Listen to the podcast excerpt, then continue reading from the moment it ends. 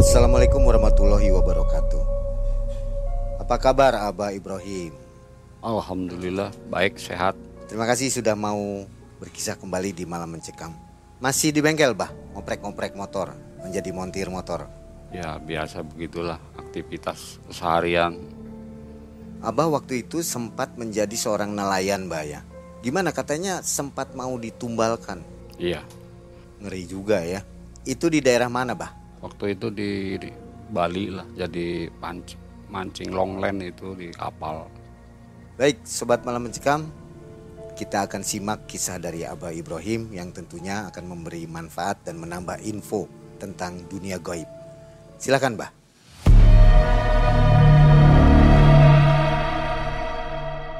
Waktu tahun 2018, saya bertemu dengan teman lama saya. Boleh katakan ya, saya namain Eko. Nah, Eko itu bercerita bahwa selama ini dia sukses karena dia pengalaman di pemancingan di Pulau Bali atau di Pelabuhan Benoa. Nah, lama-lama dia mengajak atau mencari ABK yang bisa diberangkatkan ke Bali waktu itu tuh. Dengan iming-iming yang boleh katakan menggiurkan kalau dapat dari penghasilan pemancingan itu. Saya diberitahu bahwa untuk ke sana masalah biaya transportasi atau uang makan segala macam gratis tidak dipungut apa pun nanti pemotongannya setelah selesai dari kerja pemancingan tersebut setelah kumpul nah pikir saya di rumah juga lagi nggak stabil. Jadi saya putuskan untuk cobalah mencari rezeki lain. Nah pada waktu itu saya mengajak anak saya. Akhirnya dibawalah anak saya. Saya berangkat. Dari sore saya tungguin ternyata dari keputusan sana belum ada tiket atau belum datang jemputan dari Bali. Nah pada waktu itu saya sempat menginap di mes. Nah di mes tersebut saya tunggu-tunggu sampai dengan dari jam 7 malam tidak berangkat. Saya nunggu sampai jam 9 pagi baru penjemputan datang. Dari Cirebon sendiri itu kita bawa pasukan kisaran ada 8 orang lah dari Cirebon ini. Dijanjikan di situ saya berkecimpung di pemancingan cumi awalnya. Di sana saya dididik dulu, di sana dididik atau diarahkan bagaimana di sana kondisinya cara memancing cuminya, dikasih pemancingannya, dipraktekin lah biar di sana bisa langsung terjun. Akhirnya kita berangkat naik bus dari Cirebon dari Cirebon itu kisaran nyampe ke Bali itu 28 jam dalam perjalanan. Tapi dalam hati saya ini ragu. Karena dari semua orang ini sama sekali tidak punya bekal. Tidak mengantongin uang saku seperak pun. Bagaimana nanti kalau nyampe di sana? Udah tenang aja. Masalah konsumsi segala macam nanti ada jaminan dari sana. Akhirnya saya nyampe lah di Bali. Coba di nyampe di Benoa tersebut, saya di sana ditelantarkan selama kurang lebih tiga hari, tiga hari itu. Awalnya di harus mancing cumi, akhirnya pindah, katanya nggak ada pemberangkatan untuk kapal cumi akhirnya pindah lagi di jaring kapal jaring sudah dipersiapkan segala macam. Nah, dari situlah timbul pertanyaan datang ke sini seolah-olah dipermainkan kan gitu. Akhirnya saya protes ke agen ini bagaimana kepastiannya? Saya berangkat atau enggak? Timbul rasa curiga bahwa saya ini bakal dijual yang kira-kira di sana yang membutuhkan. berhubung di sana nggak ada ketentuan akhirnya kan kita menunggu dan menunggu. Dari sana empat hari kemudian ada kabar bahwa di pemancingan kapal Longland itu membutuhkan ABK ABK-nya ini kisaran lima orang lima orang yang mau berangkat tuh nah, dari awal mau berangkat saya tuh sudah curiga. Kok rasanya nggak enak ya? Ada sesuatu hal yang ragu. Akhirnya sebelum berangkat saya itu memohon dan berdoa dulu. Nah, saya telepon ke sesepuh Cirebon atau orang tua yang dari Cirebon minta doa restunya minta keselamatannya tujuan kita cari nafkah buat keluarga biar nggak ada halangan apa pun ternyata orang tua dari Cirebon itu berkata hati-hati kalau mau berangkat khususnya kamu harus munajatkan doa dulu atau tawasul ke Nabi Hidir yang mempunyai yang menguasai penguasa laut. Nah, dari petunjuk sesepuh tersebut saya laksanakan sebelum berangkat. Begitu kapal mau meluncur di situ, saya ambil wudhu dulu pakai air laut dan saya minta perlindungan dari Allah. Saya tawasul Nabi Hidir. Nah, orang tua yang dari Cirebon akhirnya nelpon lagi.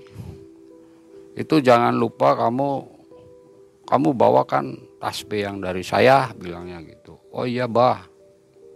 Nah, orang tua tuh merasa khawatir kalau di tengah laut itu jangan lepas selalu zikir apa pun yang kamu ingat. Katanya begitu. Dalam pemberangkatan tersebut, saya udah segala macam berdoa, memunajatkan doa, minta keselamatan. Kisaran jarak antara 4 kilo atau 5 kilometer itu ada suatu kejadian yang sangat mengerikan. Tiba-tiba kapal itu nabrak sebuah batu karang. Awalnya kita ngasih tahu, Cap, itu awas ada pulau. Bukan, bukan, itu bukan pulau.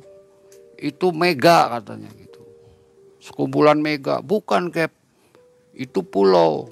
Nah pada saat itu karena sudah kecepatannya penuh, akhirnya kapal tetaplah menabrak batu karang tersebut.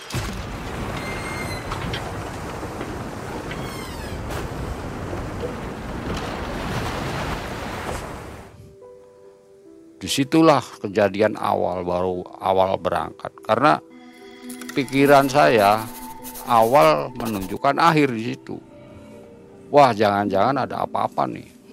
Nah dalam perjalanan tersebut karena kita orang darat masuk ke daerah laut itu belum pernah namanya adaptasi. Yang kita rasakan di situ hanya mual muntah, mual muntah. Habis isi perut selama tujuh hari nggak bisa ngapa-ngapain. Udah nggak ada asupan energi, ibaratnya nggak ada asupan makanan buat energi saja. Sedangkan gelombang lautnya sudah mulai naik, terombang ambing, tidur nggak bisa tidur karena nggak terbiasa kita orang darat. Tidur ke kanan, ombak ke kiri, ke banting. Sedangkan ruang sempit. Tumpuk semua ABK kumpul dari situ jadi satu dengan karung beras, persediaan makanan segala macam jadi satu-satu kamar. Ada yang di atas, ya kisaran jaraknya antara empat kali empat persegi tapi tingkat lah di situ. Nah kurun waktu sudah tujuh hari barulah asupan makanan mulai masuk. Ya bisa nasi sedikit, nanti lagi seminggu. Nah, tiba-tiba kapten tuh menyarankan, kamu mau sembuh nggak? Kalau kamu mau sembuh, mandi, terus jemur di atas kapal. Kalau kamu udah ngerasa enak, baru kamu turun. itu yang saya lakukan. Pagi-pagi jemur. Naik lagi. Udah ngerasa enak baru. Nah menjelang ke 10 harinya baru sembuh. Baru stabil. Mulailah kita di situ aktivitas nah kebetulan di situ tekongnya orang Chinese. Saya disuruh orang Chinese tersebut sama kapten beh doa dulu ke atas saya bilang gitu. Saya ambil hio tapi bukan ritual macam-macam ya tetap hio tapi saya dalam hati selalu memanjatkan doa dengan kepercayaan saya sendiri semua kru kapal diselamatkan semoga dengan hasil yang baik nah begitu mau start pancing ini mau dilempar kapten menjanjikan nih kawan-kawan katanya semua ABK kumpul. Kita ditargetkan perusahaan itu dalam tiga bulan harus bisa mendapatkan ikan 60 ton. Bilangnya begitu. Nanti kalian dikasih upah satu ton itu 250 ribu. Dengan iming-iming tersebut akhirnya timbul semangat. Kalau ia tercapai dalam waktu tiga bulan per tonnya 250 ribu dikali 60 wah udah kebayang nih hitungan saya nih cukuplah untuk bekal nanti pulang mikirnya gitu akhirnya mancing awal nah kebetulan saya itu dikasih sama saudara saya. Kamu kalau mau mancing nih bawa batu getah kapilayu untung saya ingat. Akhirnya saya keluarin dari tas. Batu dipakai. Langsung saya tebar tuh ikan umpan tuh. Pakai ikan bandeng hidup. Kisaran tebar ikan dari jam 2 siang selesai itu jam 9 malam kisaran ada seribu umpan yang ditebar oh, Nah begitu jam 4 sore itu baru kita ambil karena udah dikasih sinyal, oh posisi pancing ada di mana nih, saya ambil dulu. Akhirnya diambil. Begitu diambil, saya begitu kaget. Awal pertama lihat ikan itu, waduh, masya Allah, namanya besarnya. Ikan tuna aja satu kisaran 90 antara 80 kilo satu. Sedangkan waktu itu begitu awal narik itu dapat kecilnya lah kisaran 200-an waduh ekstrim sekali gitu. Nariknya aja kita mau ngangkat ikan satu aja nih harus pakai ganco tujuh orang. Masukin ke kapal tuh. Lihat lagi dapat ikan marlin yang bisa terbang kayak gimana. Tarikan ikan gede sampai ngerasain tarikan ikan gede tuh kayak gimana. Karena awalnya saya senang mancing jadi saya terperanjat waduh ikan di luar Jawa ini kayak gini bapaknya ikan biangnya ikan nah dari situ si kapal tersebut mogok nih Ternyata diperiksa kopel koplingnya itu patah. Jadi bagaimana untung ada mesin kedua akhirnya dipindah. Tapi dengan eh, dipindah tersebut butuh proses kisaran satu hari karena berat dan posisinya sempit harus diderek harus dipindahin ke mesin baru ini digeser, ini dimasukin dengan posisi terombang ambing, jadi kan agak susah. Benar-benar itu jiwa namanya Popeye itu luar biasa. Nah, akhirnya jadilah kapal nih sampai kayak semula lagi. Nah, si kapten ini merasa ada suatu kecurigaan terhadap diri saya tuh. Karena pada umumnya kalau di sana kalau kapal ini rusak itu ada kru atau ABK yang membawa sesuatu katanya begitu. Akhirnya digeledain semua. Nah, terakhir punya tasnya saya digeledah. Kamu katanya kamu bawa besi kuning ya? Wah enggak kep, saya nggak bawa apa-apa. Cuma nemuin tasbih dari pemberian orang tua. Ini bawa ini kata saya, nggak ada yang lain. Sama batu genter kapilayu. Ini buat apa ini? Ya ini buat biar mancingnya dapat banyak, saya bilang gitu.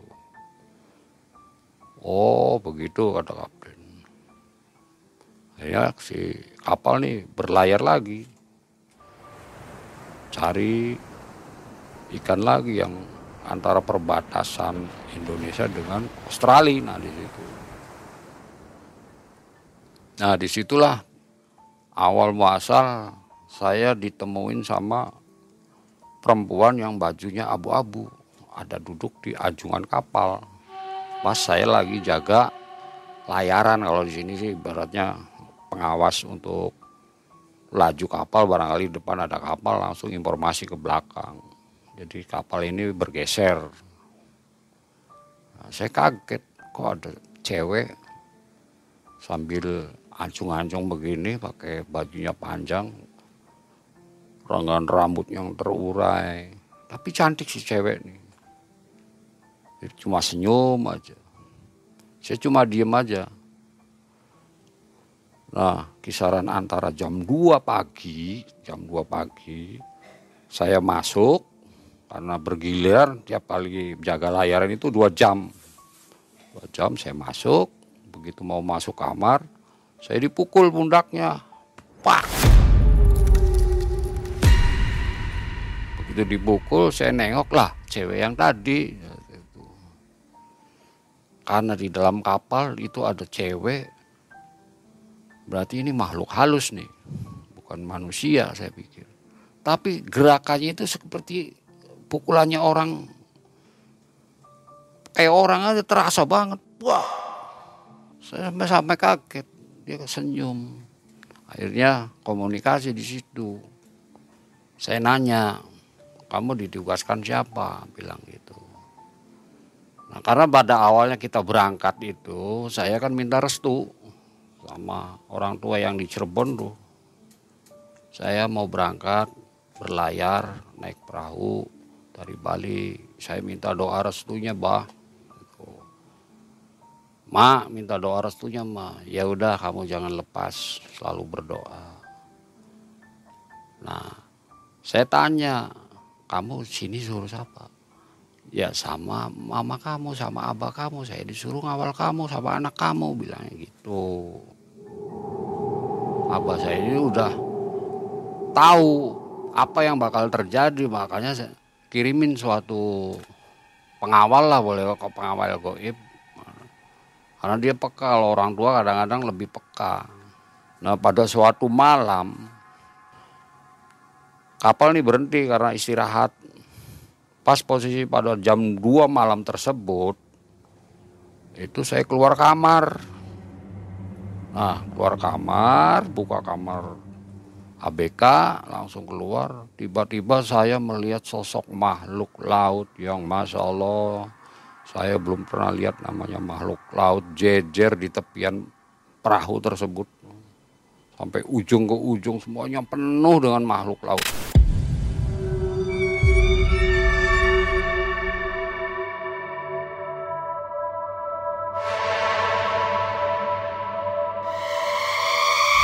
siluman-siluman yang sangat mengerikan itu gigi taringnya kayak ikan mukanya sisiknya baunya udah amis gitu.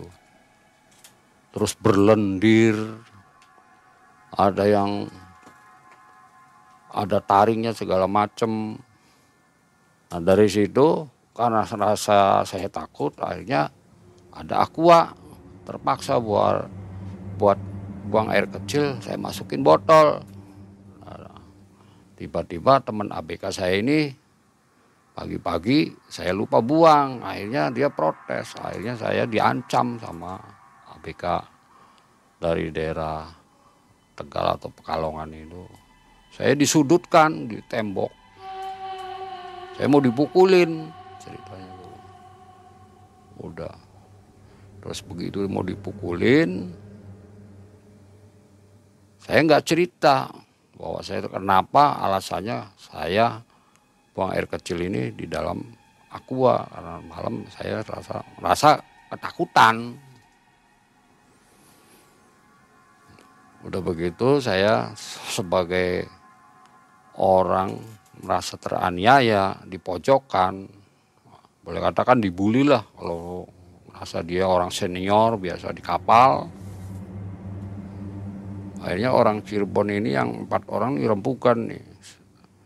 Saya ngomong sama orang-orang Cirebon nih. Kebetulan di kru saya ini ada empat orang. Ya udah kalau ada apa-apa dengan Babe saya duluan kata yang anak Cirebon yang mudanya ini. Mau tahu aja saya mau gimana. Jadi saya itu iseng sama cewek yang tadi malam. Cewek goib tuh. Nah, nanti malam saya mau nemuin itu cewek lagi bilang gitu. Yang mukul-mukul saya yang kenalan tadi malam siapa nih? Datang si cewek tuh akhirnya. Kalau kamu mau berteman dengan saya tolong. Saya kalau ada apa-apa ada yang bully saya kamu bantu ya. Bilang gitu dia tahu nama cuma saya lupa ngasih nama dia cuma panjang banget namanya tuh. Udahlah saya susah nama kayak gitu. Saya kasih nama kamu Lilis aja. Dia ngangguk senyum.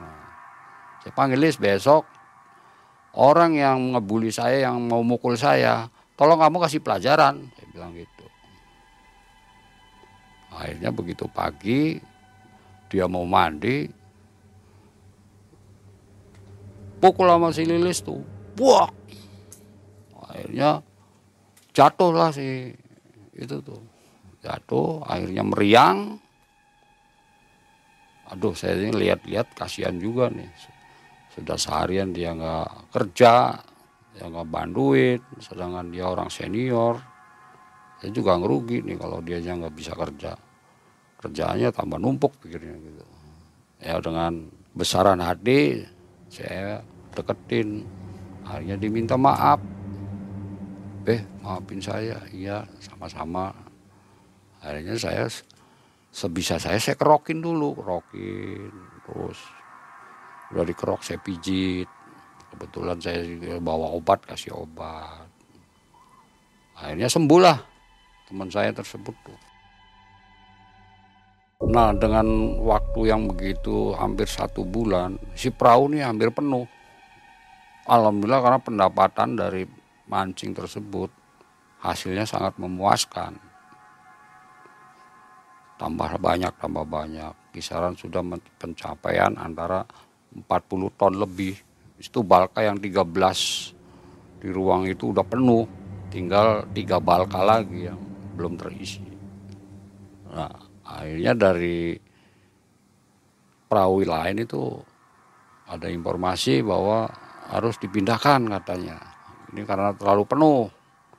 Akhirnya dipindahkan tuh. Si ikan tuh dari kapal satu ke kapal lain dengan satu-satu ikan itu yang sudah di es itu dikeluarin. Nah, saya bilang sama teman saya yang dari Cirebon juga saya namain si Eko. Kok kamu jangan duduk di situ. Saya bilang gitu. Dia nggak dengar. Saya bilang sekali, dua kali, tiga kali. Akhirnya saya lihat di situ ada makhluk yang benar-benar mau mencilikan semua kru di situ. Si makhluk ini mengintai ABK yang mana nih bakal bisa dibawa katanya gitu. Akhirnya ditarik si si Eko ini mau dimasukin ke dalam akhirnya saya ambil tangannya saya lemparin. Alhamdulillah itu begitu perahu dengan perahu mau nempel begini itu kakinya keangkat akhirnya jatuh ke perahu sebelah.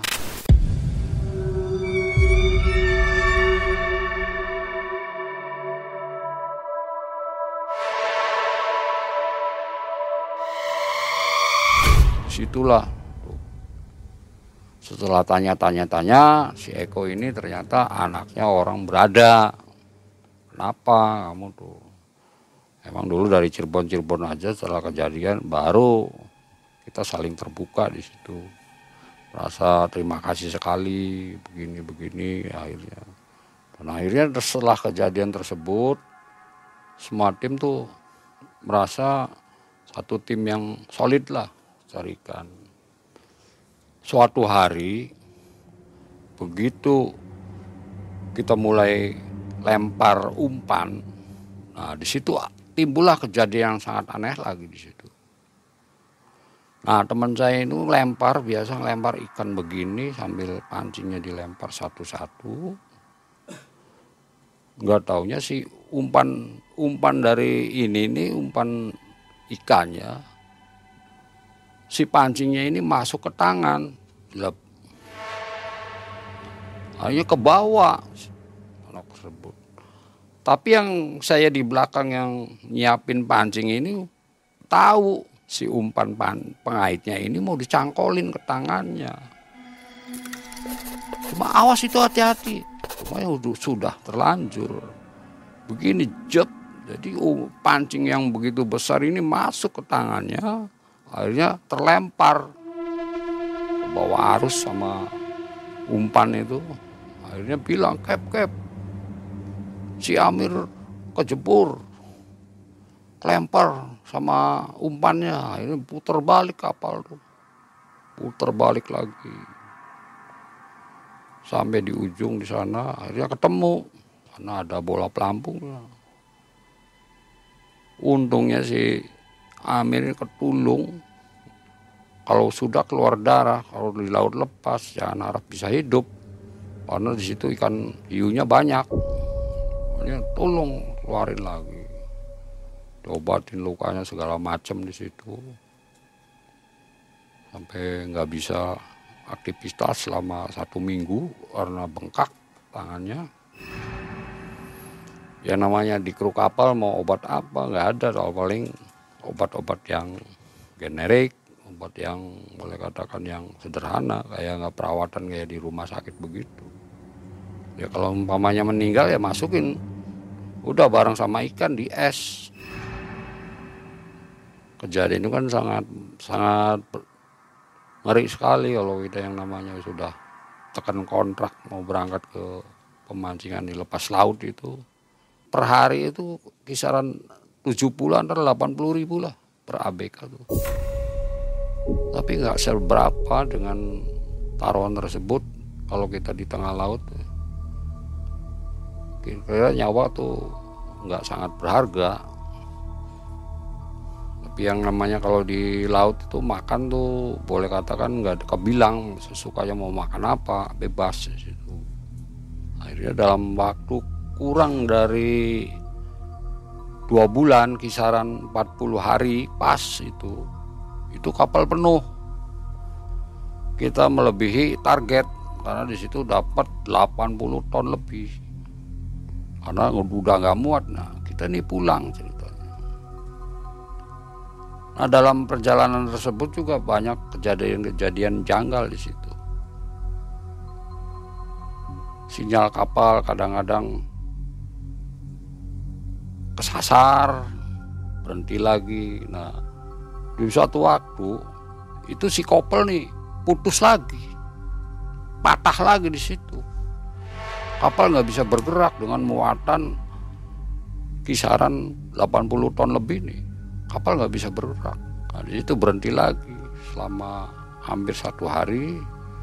Akhirnya bagaimana caranya? Akhirnya kita berempuk dengan KKM namanya bahasan di situ karena sering kerja bareng sering boleh katakan ngobrol bareng nemenin tidur bareng. Akhirnya bahasan ini cerita sama saya nih. Eh aduh kejadian ini nggak biasanya saya naik uh, kapal tersebut. Banyak sekali kejadian yang benar-benar di di luar nalar katanya dari awal kita mau udah nabrak karang susah payah. Ini berapa kali kopel mesin ini patah segala macem. Bermasalah terus. Tapi ya dibalik itu katanya hasil hari ini pemancingan kita udah melebihi kapasitas. Atau melebihi target yang tadinya 60 ton dapat 80 ton. Dalam obrolan tersebut saya mau nanya Pak Hasan punya cita-cita mau jadi apa? Saya mau jadi kapten bilangnya gitu. Nah seketika itu dengan obrolan itu saya ngomong ke Pak Hasan antara sadar dan tidak sadar besok Pak Hasan bakal dipromosiin ke kapal satunya. Jadi tekong jadi kapten bilang saya bilang gitu oh yang bener be. Ya bukannya ngaminin kata saya itu malah ngomongnya kayak gitu. Ya udah amin ya amin. Nah, akhirnya malam selama betulin kapal tuh kita ngobrol bareng karena nggak bisa ngapa-ngapain akhirnya ngobrol. Gimana caranya be? Kapal ini kira-kira bisa pulang. Dengan kondisi kopel koplingnya patah ya udah bagaimana? Kalau dilas aja itu bilang. Untung mesin generator listrik ini nggak pernah berhenti nih jalan terus. Akhirnya dilas lah kopel kopling itu. Satu-satu dilas tumpukin kira-kira jangan lepas. Hanya dilas sudah dilas rapi kemudian dicoba. Ternyata dicoba itu baling-baling kapal nggak mau muter. Ini Pak Hasan ambil inisiatif. Beh bentar beh. Kayaknya di dalam nih ada sesuatu di baling-baling kapal nih. Akhirnya turun. Dia nyelam pakai ini kompresor pakai selang bawa pisau turun. Udah ada tali pancing yang begitu banyak kegulung. Dalam baling-baling kapal kegulung semua. Boleh katakan boleh katakan sampai si ini nggak bisa gerak ya ini nih masalahnya akhirnya keluar tuh. Yang bermasalah itu tali pancing yang begitu banyak akhirnya dibuang dikeluarin. Kita coba lagi ini nyala. Nah dari situlah awalnya. Akhirnya kita itu digeledah lagi. Ini nih gara-garanya ada yang bawa sesuatu katanya. Diinterogasi oh je akhirnya ada sesuatu orang yang benar-benar bikin kita ricu. Akhirnya mau berantem lagi di situ. Ya dipisahkan karena rokok kalau di namanya di kapal itu itu rokok nomor satu dengan air putih itu. Kalau rokoknya hilang udah jadi berantem. Nah, akhirnya dibuka nggak ada rokoknya hilang. Akhirnya didamai damai damai selesai. Nah begitu malamnya yang nyuri rokok ini kerasukan di situ kerasukan. Akhirnya ngerasa dia tuh gagal untuk mendapatkan sesuatu dari ocehannya sih yang kerasukan ini nih. Sampai begini-begini nih. Ambil melotot-melotot.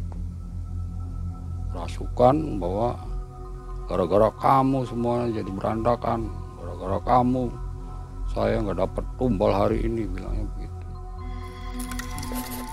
harusnya kru kalian itu ada yang buat tumbal tiga orang minimal begitu.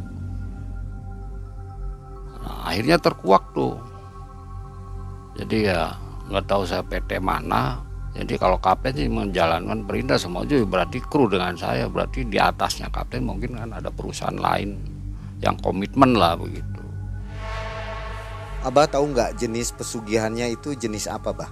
Itu kisah kalau saya lihat kalau saya dengan kondisi di perahu segala macam itu semacam kayak siluman ular begitu.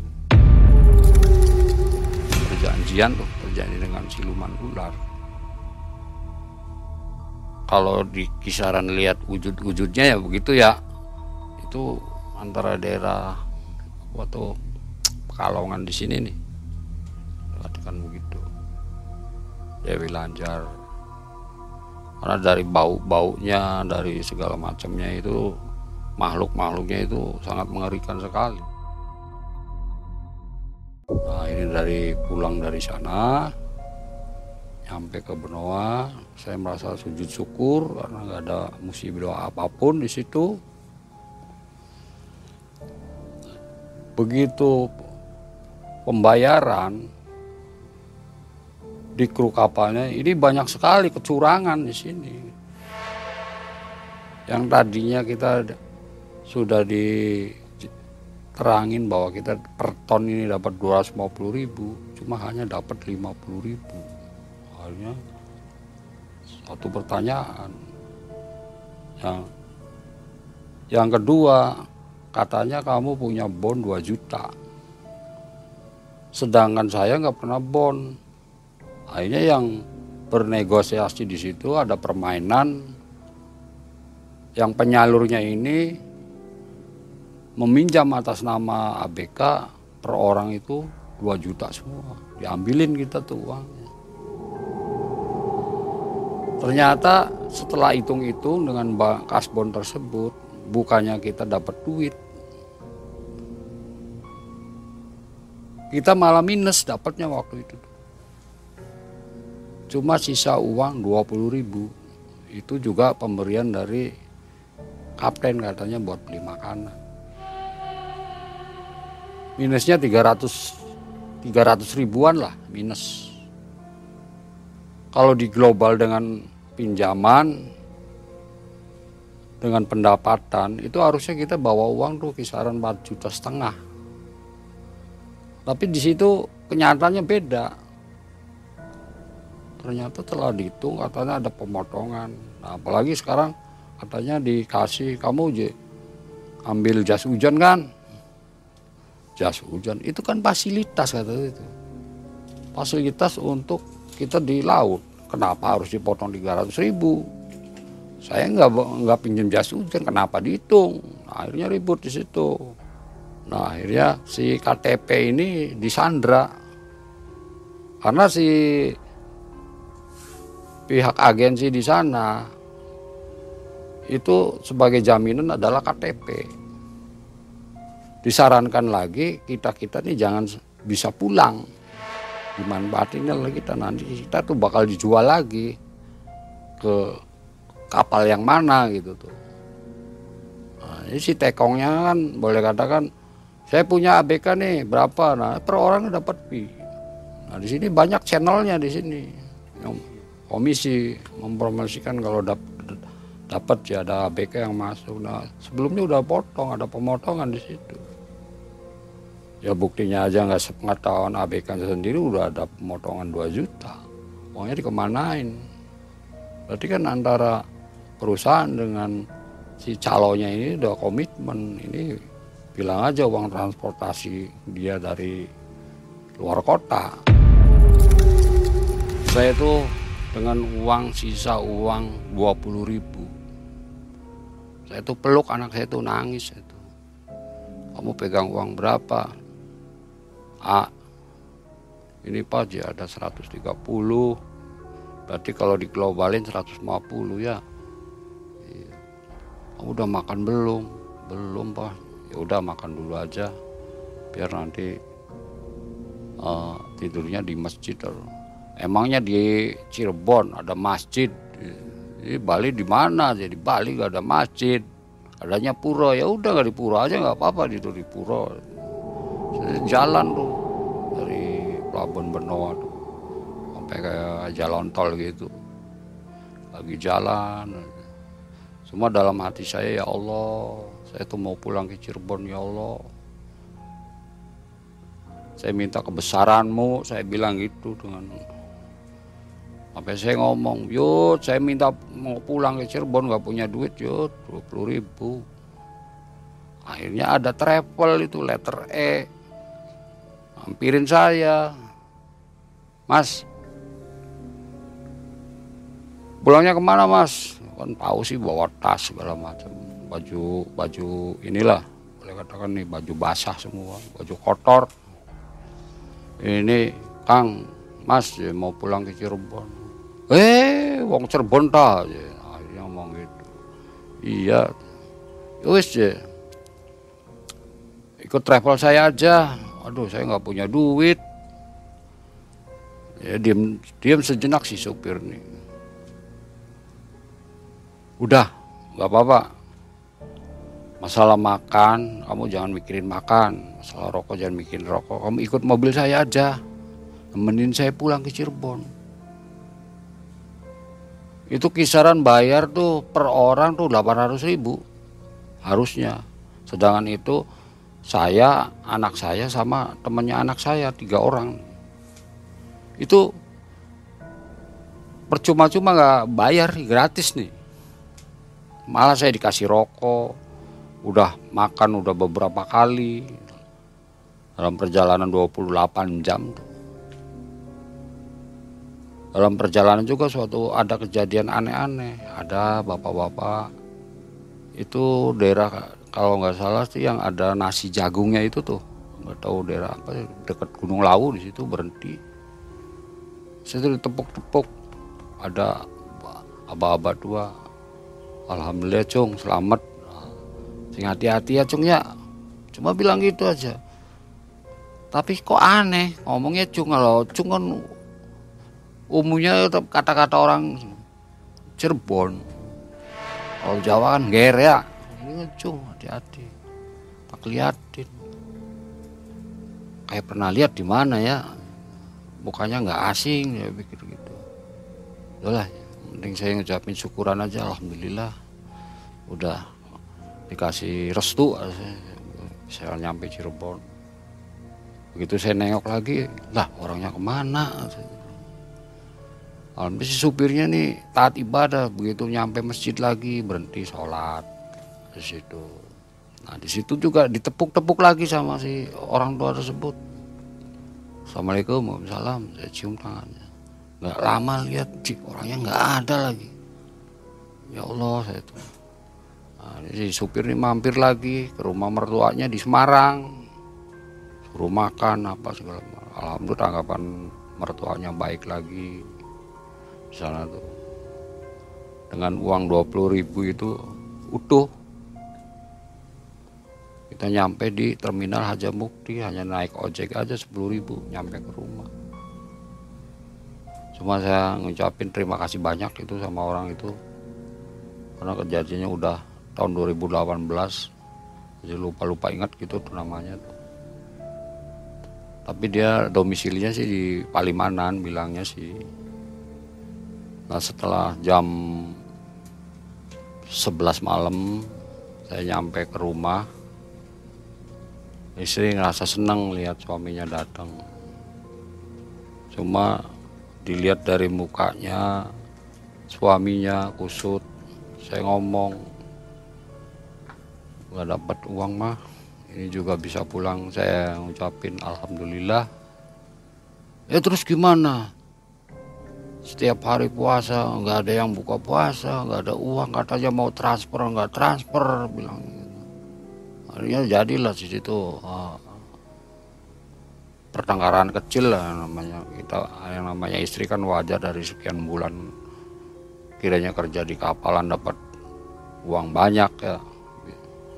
Boleh katakan punya harapan utang kanan kiri.